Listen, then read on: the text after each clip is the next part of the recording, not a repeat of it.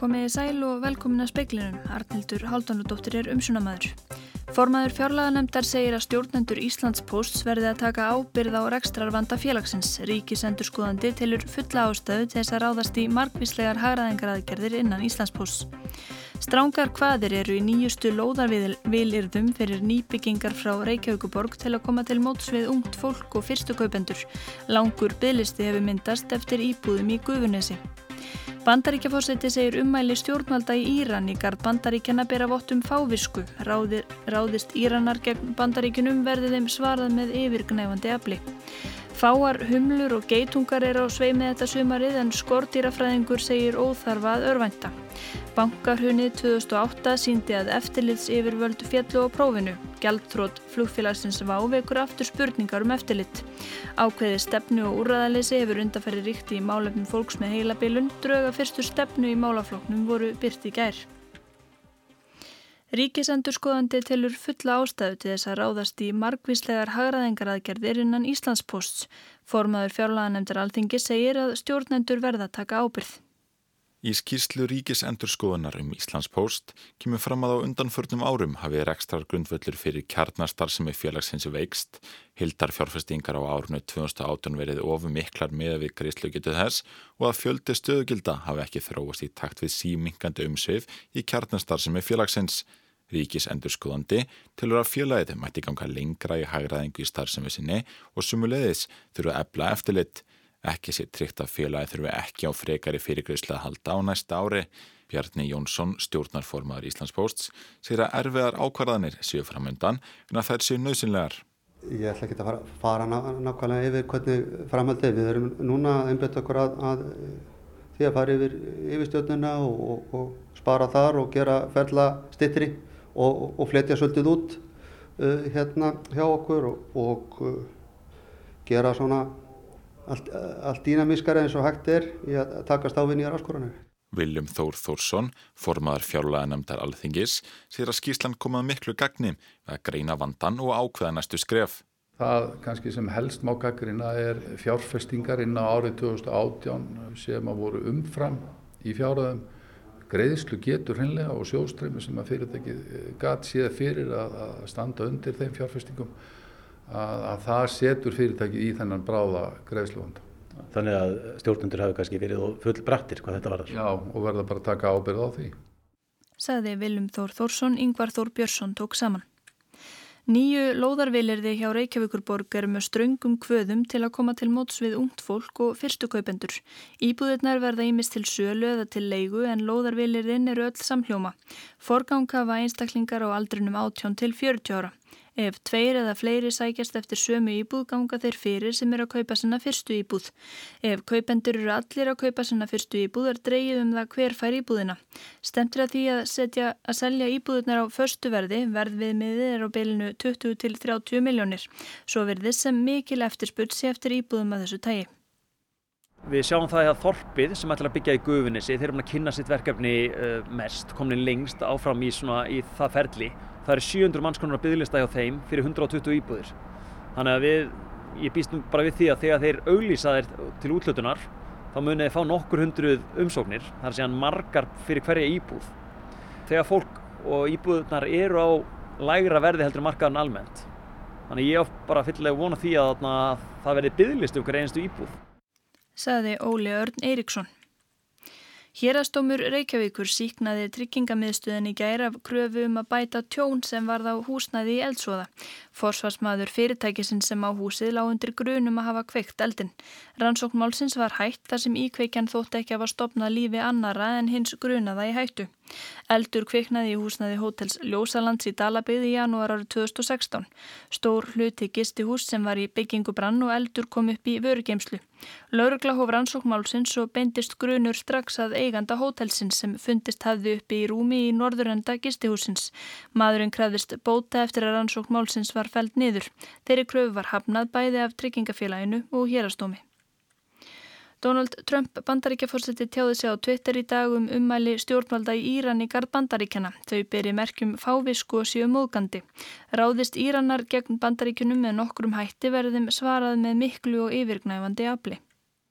Forsetti Íran Hassan Rouhani kallaði ennbættismenni kvítahúsinu greindarskerta fyrir í dag og nýjar viðskiptaþvinganir bandarækjana gegn hátsettum meðlimum íranskra stjórnvalda svífyrðilegar og heimskulegar. Trump sagði á Twitter að stjórnvöldi Teheran skildu ekki hugtakið samhúð og hefðu aldrei gert það. Það eina sem þau skildu veri styrkur og máttur sem bandaríski herin hefði nóg af þar sem fjárfest hefði verið í honum fyrir 1,5 biljónir dólar á síðustu tveimur árum. Trump sagði hinn að dásamlegu íraunsku þjóð hafa mátt þóla miklar þjáningar að ástæðu lausu. Stjórnvöld eitu stæstum hluta fjármaksins í hriðverkastarfsemi og lítið annað. Bandaríkjumenn hefðu ekki glimt því að Íranar hefðu lagt hópum í Írak til sprengjur og önnur vopn sem kostað hefðu 2000 bandaríska herrmenn lífið og sært fjölda til viðbútar. Yfirlýsingar Írana í dag bæru þess merki að þeir bæru ekkert skinnbráður unnveruleikan. Öllum ára sem þeirra gegn bandaríkjunum er þið svarað af hörku og í einhverjum tilfellum með gjöreyðingu. Þorvarður Pálsson saði frá og utanríkisræðara Íran, Javad Zarif, segir að landi muni aldrei framleiða kjarnorku vopp þar sem slíkt gangi gegn kennisetningum Íslamstrúar. Kjarnorku áallin landsins sé engungu ætlu til borgaralegra nota. Samninganemdir Flugfreyjufélags Íslands og samtaka aðtunulífsins fyrir hönd er Æsland Connect hittust á fyrsta fundi hjá ríkisáttasemjara eftir háti í dag. Næsti fundur verður í lók sumars. Kjærasamningar hafi verið lausir síðan um áramót. Það á líka við um kjærasamninga Flugfreyjufélagsins við Æsland er. Tíundi samningafundur í þeirri deilu verður hjá ríkisáttasemjara á morgun. En er langt í land, segir formaður Flugfreyjufélagsins. Flugumferðarstjórar og Ísafja voru líka á fundi hjá sáttasemjara í dag. Ekki náðist í formann félags félags flugumferðarstjóra fyrir fréttir. Vesturverk sem hyggst reysa kvalárvirkjun segir það sæta fyrðu að í undirbúnings- og skipulagsferðli vegna kvalárvirkjunar sem spannar á annan áratug skuli landeigandur ekki hafa vakið fyrir máls á mentu misræmi í landamerkjaskráningu. Meiri hluti eigenda Drangavíkur á ströndum hefur kært deiluskipulag og framkvæmda lifi vegna kvalurvirkjunar á þeim fórsendum að skipulag virkunarinnar hafi miðast við raung landamerki. Vesturverk segist engar vísbendingar hafa fengið um að landamerkin séu eins og landeigendur halda fram og að það megi ætla að ofinbyrjar eftirlitstofnanir hefðu bent á misræmi í landamerkjum síða fyrir hendi. Hollandsk helbriðisefjöld glíma nú með mislingafaraldur í strángtrúðu fiskiþorpi í norðurluta landsins. Það eru flestir íbúar mótmælendatrúar og fjöldi þeirra sem er bólusettur fyrir sjúkdómnum með því minsta sem þekkist í landinu. Nýju fullornir og eitt barn hafa greinst með mislinga í þorpinu Úrk í Flevolandýraði. Helbriðisefjöld fylgjast það sögn náið með ástandinu og verið er að kanna hvort þörf sjá að bólusetja eða veita þeim sem komist hafi snertingu við hennar síktu síklarlifja meðferð. Þetta er ekki fyrsta sinn sem mislingafaraldur geysar í þorpinu, slíkt gerðist síðast árið 2013. Einungi 61,1% íbúa úrk eru bólusettur við mislingum en landsmeðaltalið er 92,9%. Íbúar úrk eru samkvæmt AFP meðal þeirra trúræknusti í Hollandi og fara 94% íbúa þorpsins reglulegi kirkju samanborið við einn af hverjum sex íbúum annar staðar í landinu. Sankat dagblæðinu til Telegraf trúa íbúar úrk að líf og dauði séu höndum Guðs og því séu bólusetningar ekki lefðar. Saminuðu þjóðunar vöruðu við því í april að mislingasmitt væru vaksandi víða um heim sem rekja mætti til fjölgunar þeirra sem ansnúnir eru bólusetningum af ýmsum ástæðum. Sankant tölum alþjóða helbreyðstofnunarinnar fjölgaði mislingasmittum um 300% í fyrra. Þorvarður Pálsson saði frá. Fáar humlur og geitungar eru á sveimi þetta sumarið en það er óþarfi að örvænta, segir skortirafræðingur. Lítið er um humlur og geitunga í sumar en þessa báu tíð má reykja bæði til vætu sams veðurfars síðasta sumar og lítillar framleiðslu á drottningum síðasta haust. Síðasta sumar var betra á norður og austurlandi en kuldakastið fyrir vor hafði áhrif á stopnin. Kalt var í veðri rétt um það leiti sem humlurnar fóru á kreik. Erling Ólafsson, skortýrafræðingur hjá Náttúrufræðistofnun Íslands, segist aldrei hafa síðans fáar humlur að voru og nú, en það sé þó ástæðu löst að hafa áhyggjur. Stopnin getur náð sér rætt á stryk og þótt búin séu fá getur gengið vel með drottningaframlegslu. Þetta áviðum bæði humlur og geitunga. Jafnframt sé lítið hægt að gera þar sem þetta er eðlilegur gangur náttúrunar og það er ekki óeðlilegt að það séu sveiblur og breytingar í vistkerfinu. Ástandið muni jafna sig en gjarnan má hleypa geitungum og humlum sem villast í mannabústaði út í stað þess að deyða dýrin. Tinna Eiriksdóttir saði frá.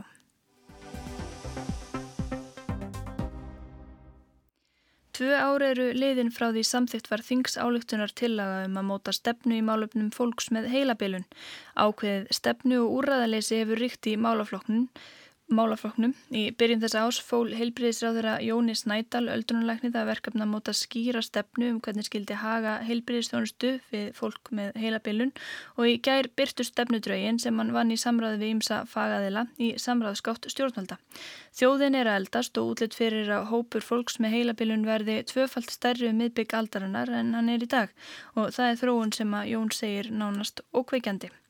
Jón Snædal er komin hingað í lögstofu og hér er líka Vilborg Gunnarsdóttir, frangandastjóri Alzheimer samtakana sem að veitar aðgjöf og fræðslu og reyka þrjú dagþjálfunar úrraði. Við ætlum að tala um stöðu fólks með heila bilun og hvort og þá hvernig ný stefna eða stefnudraugin geta bættana. Vilborg, eh, það hefur verið mikið fjallað um úrraðaleysi, eh, til dæmis langa bygglista sem að valda því að sjúklingar fá ekki þjónustu við hæfið, þeir tapa lífsgæðum þurfa að reyða sig á aðstandendur sem að svo kannski kikna sjálfur undan álæginu. Hverjar eru helstu brotalamendnar í, í dag og telur þú að tillögurnar í draugunum að nýri stefnu uh, taki á þeim? Úrræðin í dag, þau sem er í bóði, þau eru góð og það er önni gott starf þeim, á þeim stöðum þar sem að þjónusta við þennan hóp býðist. Það er ekki það að það sé allt í, í, í hérna í skralli, það vantar kannski heldur frekjar fleiri úrræði. E, það sem að við bendbindum vonum við, við fyrsta lagi þá langar við að taka fram að við fögnum mjög þessum áfanga að, að það sé komin stefna og, og við erum mjög ánað með það sem við höfum séð. Þetta er góður áfangi, við höfum verið svolítið á eftir nágrunum okkar og í, hjá öðrum nágrunarlöndunum hvað þetta snertir og því er þetta stóru og góður áfang, áfangi. Það sem við bindum helst vonir við er að með því að þarna komi stefna þá komi kannski einhver aðgerrar áallin í kjölfæri sem er þá fjármögnuð, hún er tímasett og uh, með því vonandi verður bætt úr því að það verður meiri samfella í þjónustunni við fólk með heilabíluna sjúkdóma. Í dag þá eru svolítil gött í þjónustunni og sérstaklega strax eftir greiningu og, og, og það er þá sem að fólk er svolítið að koma til allsamiðsamtakana í ráðgjöf og, og hérna ég bind mikla voni við það að með stefninni að þá verði bætt í þessi göð Jón, ef við horfum á þetta út frá lífskeiðum fólks með heilabilun, hvaða aðgerðir uh, finnast þér skipta mestu máli? Sérst, hvað, hvað finnst þér að stjórnvöld ætti að gera? Hvað úr þessari stefnu ættu þau að taka fyrst og, og hérna hreindi framkvæmt? Sko það er nokkur aðtrið sem að teku kannski ekki mikinn tíma að gera, það eru viss, vissa lagabreitingar sem þetta fara í og þar finn ég sérstaklega nefna réttindamál. Í dag eru samkvæmt lauraðislögum hægt að skipa ráðsmann, það ákvæðir ónýtt varandi einstaklinga með heilabyrjum því að samkvæmt lögunum þar viðkomandi ráðsmaður að tryggja það að sá sem hann vinnur fyrir viti nákvæmlega hvað hann er að gera fyrir hann og ef hann verður sáskinni að það sé ekki í lagi að þá verður hann að skila umbóðu sín og þá fyrir fram fjárraði svifting fyrir dómi. Þetta er náttúrulega bara réttindamál sem er ekkert mjög erfitt að kippa í liðin og það er gott að sjá að það hefur ákveði núna endur skoða lögræðislögin. Já, þau kannski rýma ekki við uh, bara þennan hóp að því að það er í rauninni er raunin svo að það er verið að kannski sjálfræðis svifta og fjárræðis svifta fólk án þess að það fari í gegnum eitthvað svona formulegt ferli, það er svona óbeint verið að því eða hvað? Já sko það er, það er gerir stundum að, að fólk, þetta verður oft, einfaldast að dæmi er þegar að ef, sem sagt maki er komið með sjúkdóm og er komið á hjókunarheimili og sá sem eftir situr heim allar að selja íbúðuna en hann er eigu begja og sá sem er komin á hjókunarheimili getur ekki skrifað undir og þá þarf að fjárraði svifta hann bara til þess að geta gert það. Og ef það veri ráðsmaður sem hefði hlut sem hefði þá um, umboð þá var hægt að leysa það. Þetta er nú bara eitt lítið dæmi. Annars ég vil nefna er að það eru mjög það er mikið flækjust í okkar litla samfélag í þessum álflokki það eru margir aðalega sem koma rekstri til dæmis eininga Það er mjög lítið samráð á milli þeirra varðandi gæði þjónustuna, þeir hafa hins vegar heilmikið samráð varðandi fjármál, gagvartíkinu. en minnavarandi gæð og hverjum sig er að þróa sína eigin umönuna stefnu kannski form, með einhvern formlegum hætti en kannski ántess þarna það þarf að vera svona ákveð samra, samráð eða samræmi í því að þú sért nokkuð örugur að fá sko góða grundvallar þjónustu hvert sem þú hvar sem hún lendir. Já, og þú tala fyrir því að, að þessi málflokkur, allavega málefni aldraðara, þó þetta falli ekki allir eh, með heilabilin þar undir, verði færiður uh, alfarið til sveitafélagina. Vilborg, ert þú sammála því? Er, það, er þetta svo einfalt? Ég held að svo aðgerð einu og sér er þetta kannski ekki einföld en ég held já að, að þjónustan myndi batna við það vegna þess að hún færist á nær þeim sem stjórna alveg á sama hátt og, og grunnskólum er stýrt frá af sveitafélagunum og málefnum fallara en sveitafélagin kannski er ekkit alveg ginnkjöft fyrir að taka við í við þessum pakka en það má heldur ekki gera þetta nema að tryggja það að þjónustan verði ekki síðri, helst betri. Og hérna þannig að því þarf að náttúrulega fylgja fjármagn og það er náttúrulega alltaf það sem að eh, umræðan endar á að það skortir fjármagn í þennan málaflokk. En en ég veit ekki, ég veist að Jón sé mér sammála að, að hérna, þessi, þessi mannfjöldaspá sem við horfumst í auguði núna og svo staðreint hvaða mun fjölga rætt hlutfalslega þessum sjúklingahópi og að við erum enganhátt undirbúin undir að taka við honum og þjónustan að, að þetta er það sem að mér finnst svolítið ókveikjandi og, og ég held að, að þessi nýja stefna hún muni styðja okkur sem erum að vinna að þessum málum og hagsmunum þessar fólks að hún muni styðja við okkur þannig að það verði kannski að við fáum einhverju framgengt. Já, stefna er náttúrulega aldrei nóð, það þarf auðvitað aðgerra allir nú og fjármagn og Jón í draugunum þá talar þú svolítið um, já, svona meðferðir og, og hvað, hvernig eigi að, að sinna fólki með heilabilun og, og þar kemur fram að e, til þess að takast á við afleðingar e, sjúkdóma eins og til dæmis svona geðrænar e, geðrænan vanda og hægðunar vanda þá sé mikið verið að, að gefa líf þrátt fyrir að sálfræðilega lausnir til dæmis á borðu tónlistameðferð eða hvað namasti meðferð virki betur.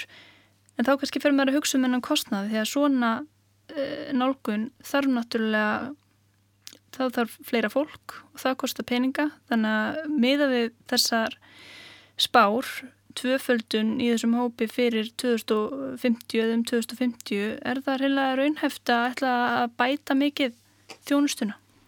Já, ég held það nú reyndar, eh, sko, eh, bundum við sjálfsögðu vonið við það að það komi einhver meðferð að gagni fram. Það hefur ekki gerst frá aldamótum. Þetta, sem að virkar á sjúkdóma? Já, þetta er um það byrjum 99% um, getum við sagt afföll af, af dynastlefjum sem hafa komið fram síðustu 20 árin og það er vonandi eitthvað að gerast í þeim efnum og það er sérstaklega að horfa til þess að fólk getur fengið eitthvað svona meðferð mjög snemma þess að hægt sé að gera þetta meðan að lífsgæðin og sjúkdómanir eru ekki að taka mikinn toll. Um, en ég held að það eru ímsar aðferði til sem að eru núna orðar gaggrindar sem myndi draga úr lífjónótkun, myndi auka lífsgæði og myndi þegar upp er staði kannski ekki endilega verið mikið aukinn kostnæður. Þetta hins vegar vitum ekki nákvæmlega hvernig því er háttað en ég held að þarna séu allavega sóknafæri til þess að bæta í og ég held að þá verður, verður líka breyðari sagt, flóran af starfsfólki sem að kemur að þess og það held ég sé mjög mikilvægt. Það verður stöðningur sem hver, hver fagmar hefur stöðning af, af öðrum. Þetta höfum við sé að gerast það sem koma fleiri aðilar að, að það verður svona, það smittast yfir á, á aðra og það verður svona jákvæðara andrúslátt og þetta skila sér líka. Hvað segir þú um, um þetta Vilborg? Ég bara hjartanlega sammála en það er, getið um þetta í skýslunni að, og raukstutt hversu mikilvægt það er að hafa fjölbreyttan bakgrunn starfsmanna sem er annast fólk með heilabilin og sjúkdóma og við höfum alveg bara séð þetta á eigi skinni, við sjáum mm. til dæmis hvað tónlistinn getur gert mikið fyrir hérna einstaklinga bókstala skrýð út úr skilni mm.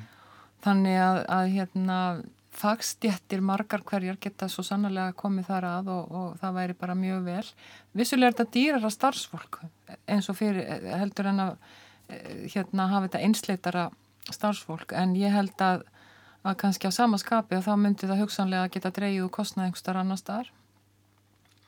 Já, um, bara svona rétt í lókin, já, ef að, ef að hérna, það finnst lífur þannig að frábært en ef ekki og þróunum verður þessi að það fjölgar svona í þessum hópi og þetta er náttúrulega við erum að horfa fram á uh, samfélagir að eldast líka stundum við talaðum um að vélmenni muni sinn okkur í ellinni geta vélmenni gagnast þessum hópi?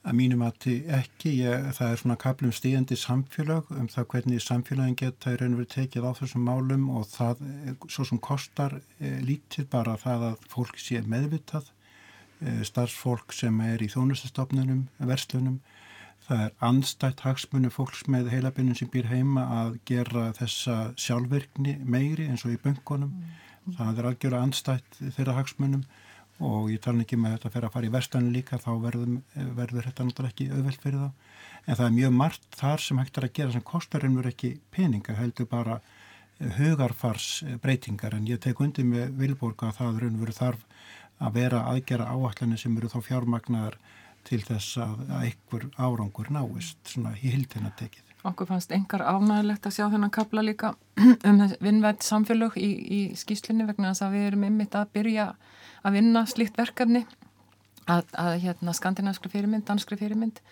og það er eins og Jón segir þetta kostar ekki mjög miklu peninga, þetta kostar vinnu að fræða fólk og, og upplýsa og, og þetta hefur gefist mjög vel í mörgum löndum. Já, takk fyrir þetta, takk fyrir komina í, í speilin Jón Snædal og Vilborg Gunnarsdóttir. Takk sem er leiðis. Takk.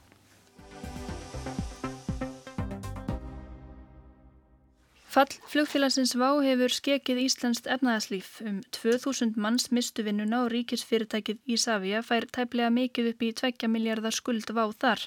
Aðkoma samgangustofu vekur einnig spurningar síðast þegar verulega reyndi á Íslensk eftirlits yfirvöld það er í bankarhunnu fengu þau yfirvöld fallengun.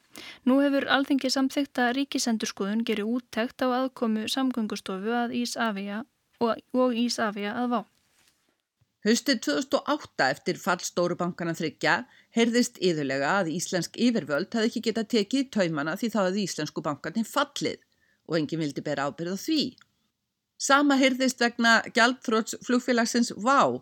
Yfirvöld hefði ekki getað gripið til ráðstafana því þá hefðu orsakað fall VÁ. Þetta er raun að byrja á vittlusum enda greiningarinnar. Eftirlits yfirvöld standa vissulega frammi fyrir erfiðum ákvarðunum Ef vandanum er leift að vaksa og magnast þar til viðkomandi fyrirtæki er orðið svo stórt, svo þjóðhastlega mikilvægt að gjaldþrótt skeki allt þjóðfélagið. En hlutverk ofinbers eftirlits er að gæta þess að lögum og reglum sé framfyllt ekki að tryggja rekstur þeirra sem eftirliti beini stað. Þegar fyrirtæki komast í þá aðstöðu sem bankarnir komu sér í og nú síðast flugfélagið vá, þá hefur eitthvað brúðist fyrir löngu. Hlutverk eftirlits yfirvalda eins og fjármáleftirlitsins og samgöngustofu er að fyrirbyggja vanda. Það má líka þess við brunavarnir eftirlitsstopnanir eiga að komi í veg fyrir að það kvikni í, ekki að horfa á óljuna renna að eldinum og hlaupa fyrst til þegar allt fyrir bál. Vel virt flugrekstrar eftirlit eins og samgöngustofa að vera skoðar ekki aðeins hvort flugvélar séu flughævar heldur einni hvort flugfélög séu nóvel fjármögnuð. Í viðtal við speilin í ágústi fyrra var Þórólfur Átnason, þá forstjóri samgöngustofu, einmitt sérstaklega spurður út í þetta atriði. Tílefni var meðal annars skýsla breskra nefndar um gjaldtrótt flugfélaga. Í skýslunni kom fram að bresk flugöfurvöld gætu gripið inn í starfsemi flugfélags ef reksturinn virtist of tæpur fjárhagslega séð. Þórólfur sagði að nákvæmlega sömu reglur gilt á Íslandi. Fjárhagsstaða flugfélags varðaði flugöryggi Hætta á að illa fjármagnað flugfélag get ekki synd öryggismálum nóg vel. Samgöngustofa hefði því einnig augun á rekstri og fjárhagstöðu flugfélaga, ekki bara flugvilónum. Eitt af því sem var rætt nú í allan vetur var hverjar skuldir flugfélagsins VÁ væru við Ísavíja fyrirtæki í eigu ríkisins. Við fall VÁ komi ljós að skuldirnar voru ærtnar. Í lok júni fyrra skuldaði VÁ Ísavíja rúmar 500 miljónir króna Mánuði síðar hafði skuldin tvöfaldast. Þegar váfjall var skuldin um 2 miljardar. Síðla sumars í fyrra freystaði Vá að sapna fjö með hlutabrifa útbóði sem ljóstlega aflaði ekki lausafjár eins og þurfti. Í viðbót hafði fjárhagur Vá lengi verið báur og kannski má segja að félagið hafi verið illa fjármagnað um langa hríð, lítið eigið fjö í félaginu samkvamt einum viðmælanda speilsins. Mikil umsvið, nýjar flugleðir og nýjar vélar sögðu hugsanlega sögu sem stóðst kannski ekki skoðun. Og þá kemur aftur að hlutverki eftirlitsaðila. Eitt voru gladbeittar yfirlýsingar Skúla Móunsen, forstjóra Vá. Annað var raunveruleikin sem samgöngustofa og reyndareitning Ísafja hefði átt að hafa augun á. Það vekur aðtekli að forstjóri samgöngustofu var ekki endur ráðinn þegar staðan var auglýst nú nýlega og forstjóri Ísafja er hættur að sögn ótengt fyrir greiðslu Ísafja við Vá. Í februari fyrra byrti ríkisendurskoðun stjórnsíslu úttækt vegna lokunar flugbröytar á Reykjavíkuflugvelli fyrir nokkrum árum. Allt annað mál en gjaldtrótt vá en þar sagði að vannkantar væru á samvinnu, samgöngustofu og Ísavíja hefði för með sér kostnað sem væri erfitt að meta. Samgönguráðuneytið þyrti að ebla eftirlit með þessum undirstofnunum sínum, sagði í úttæktinni. Nú hefur alþingi samþygt að fela ríkisendurskoðun að gera úttækt á aðkomu samgöngustofu og Ísafja að starfsemi vá, meðal annars á að kanna hvort reglum um flugrekstrarhæfi hafi verið framfyllt. Einni hvort Ísafja hafi haft heimildir til að veita greiðslufrest eins og váfjekk, meðal annars út frá samkeppnislögum og reglum um ríkisaðstóð.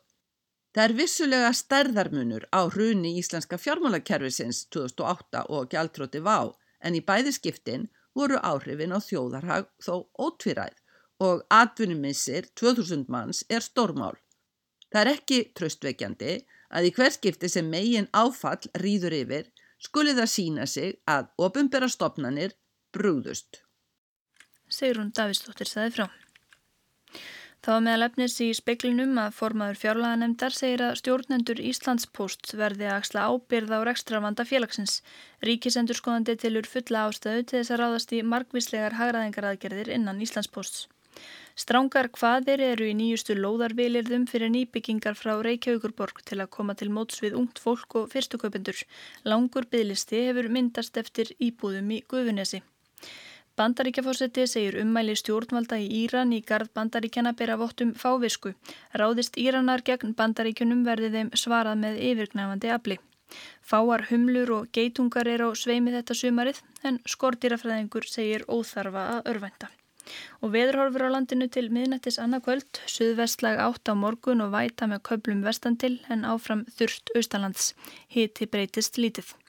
Það er ekki fleira í speklinum í kvöld. Tæknimaður var Mark Eldred. Verið sæl.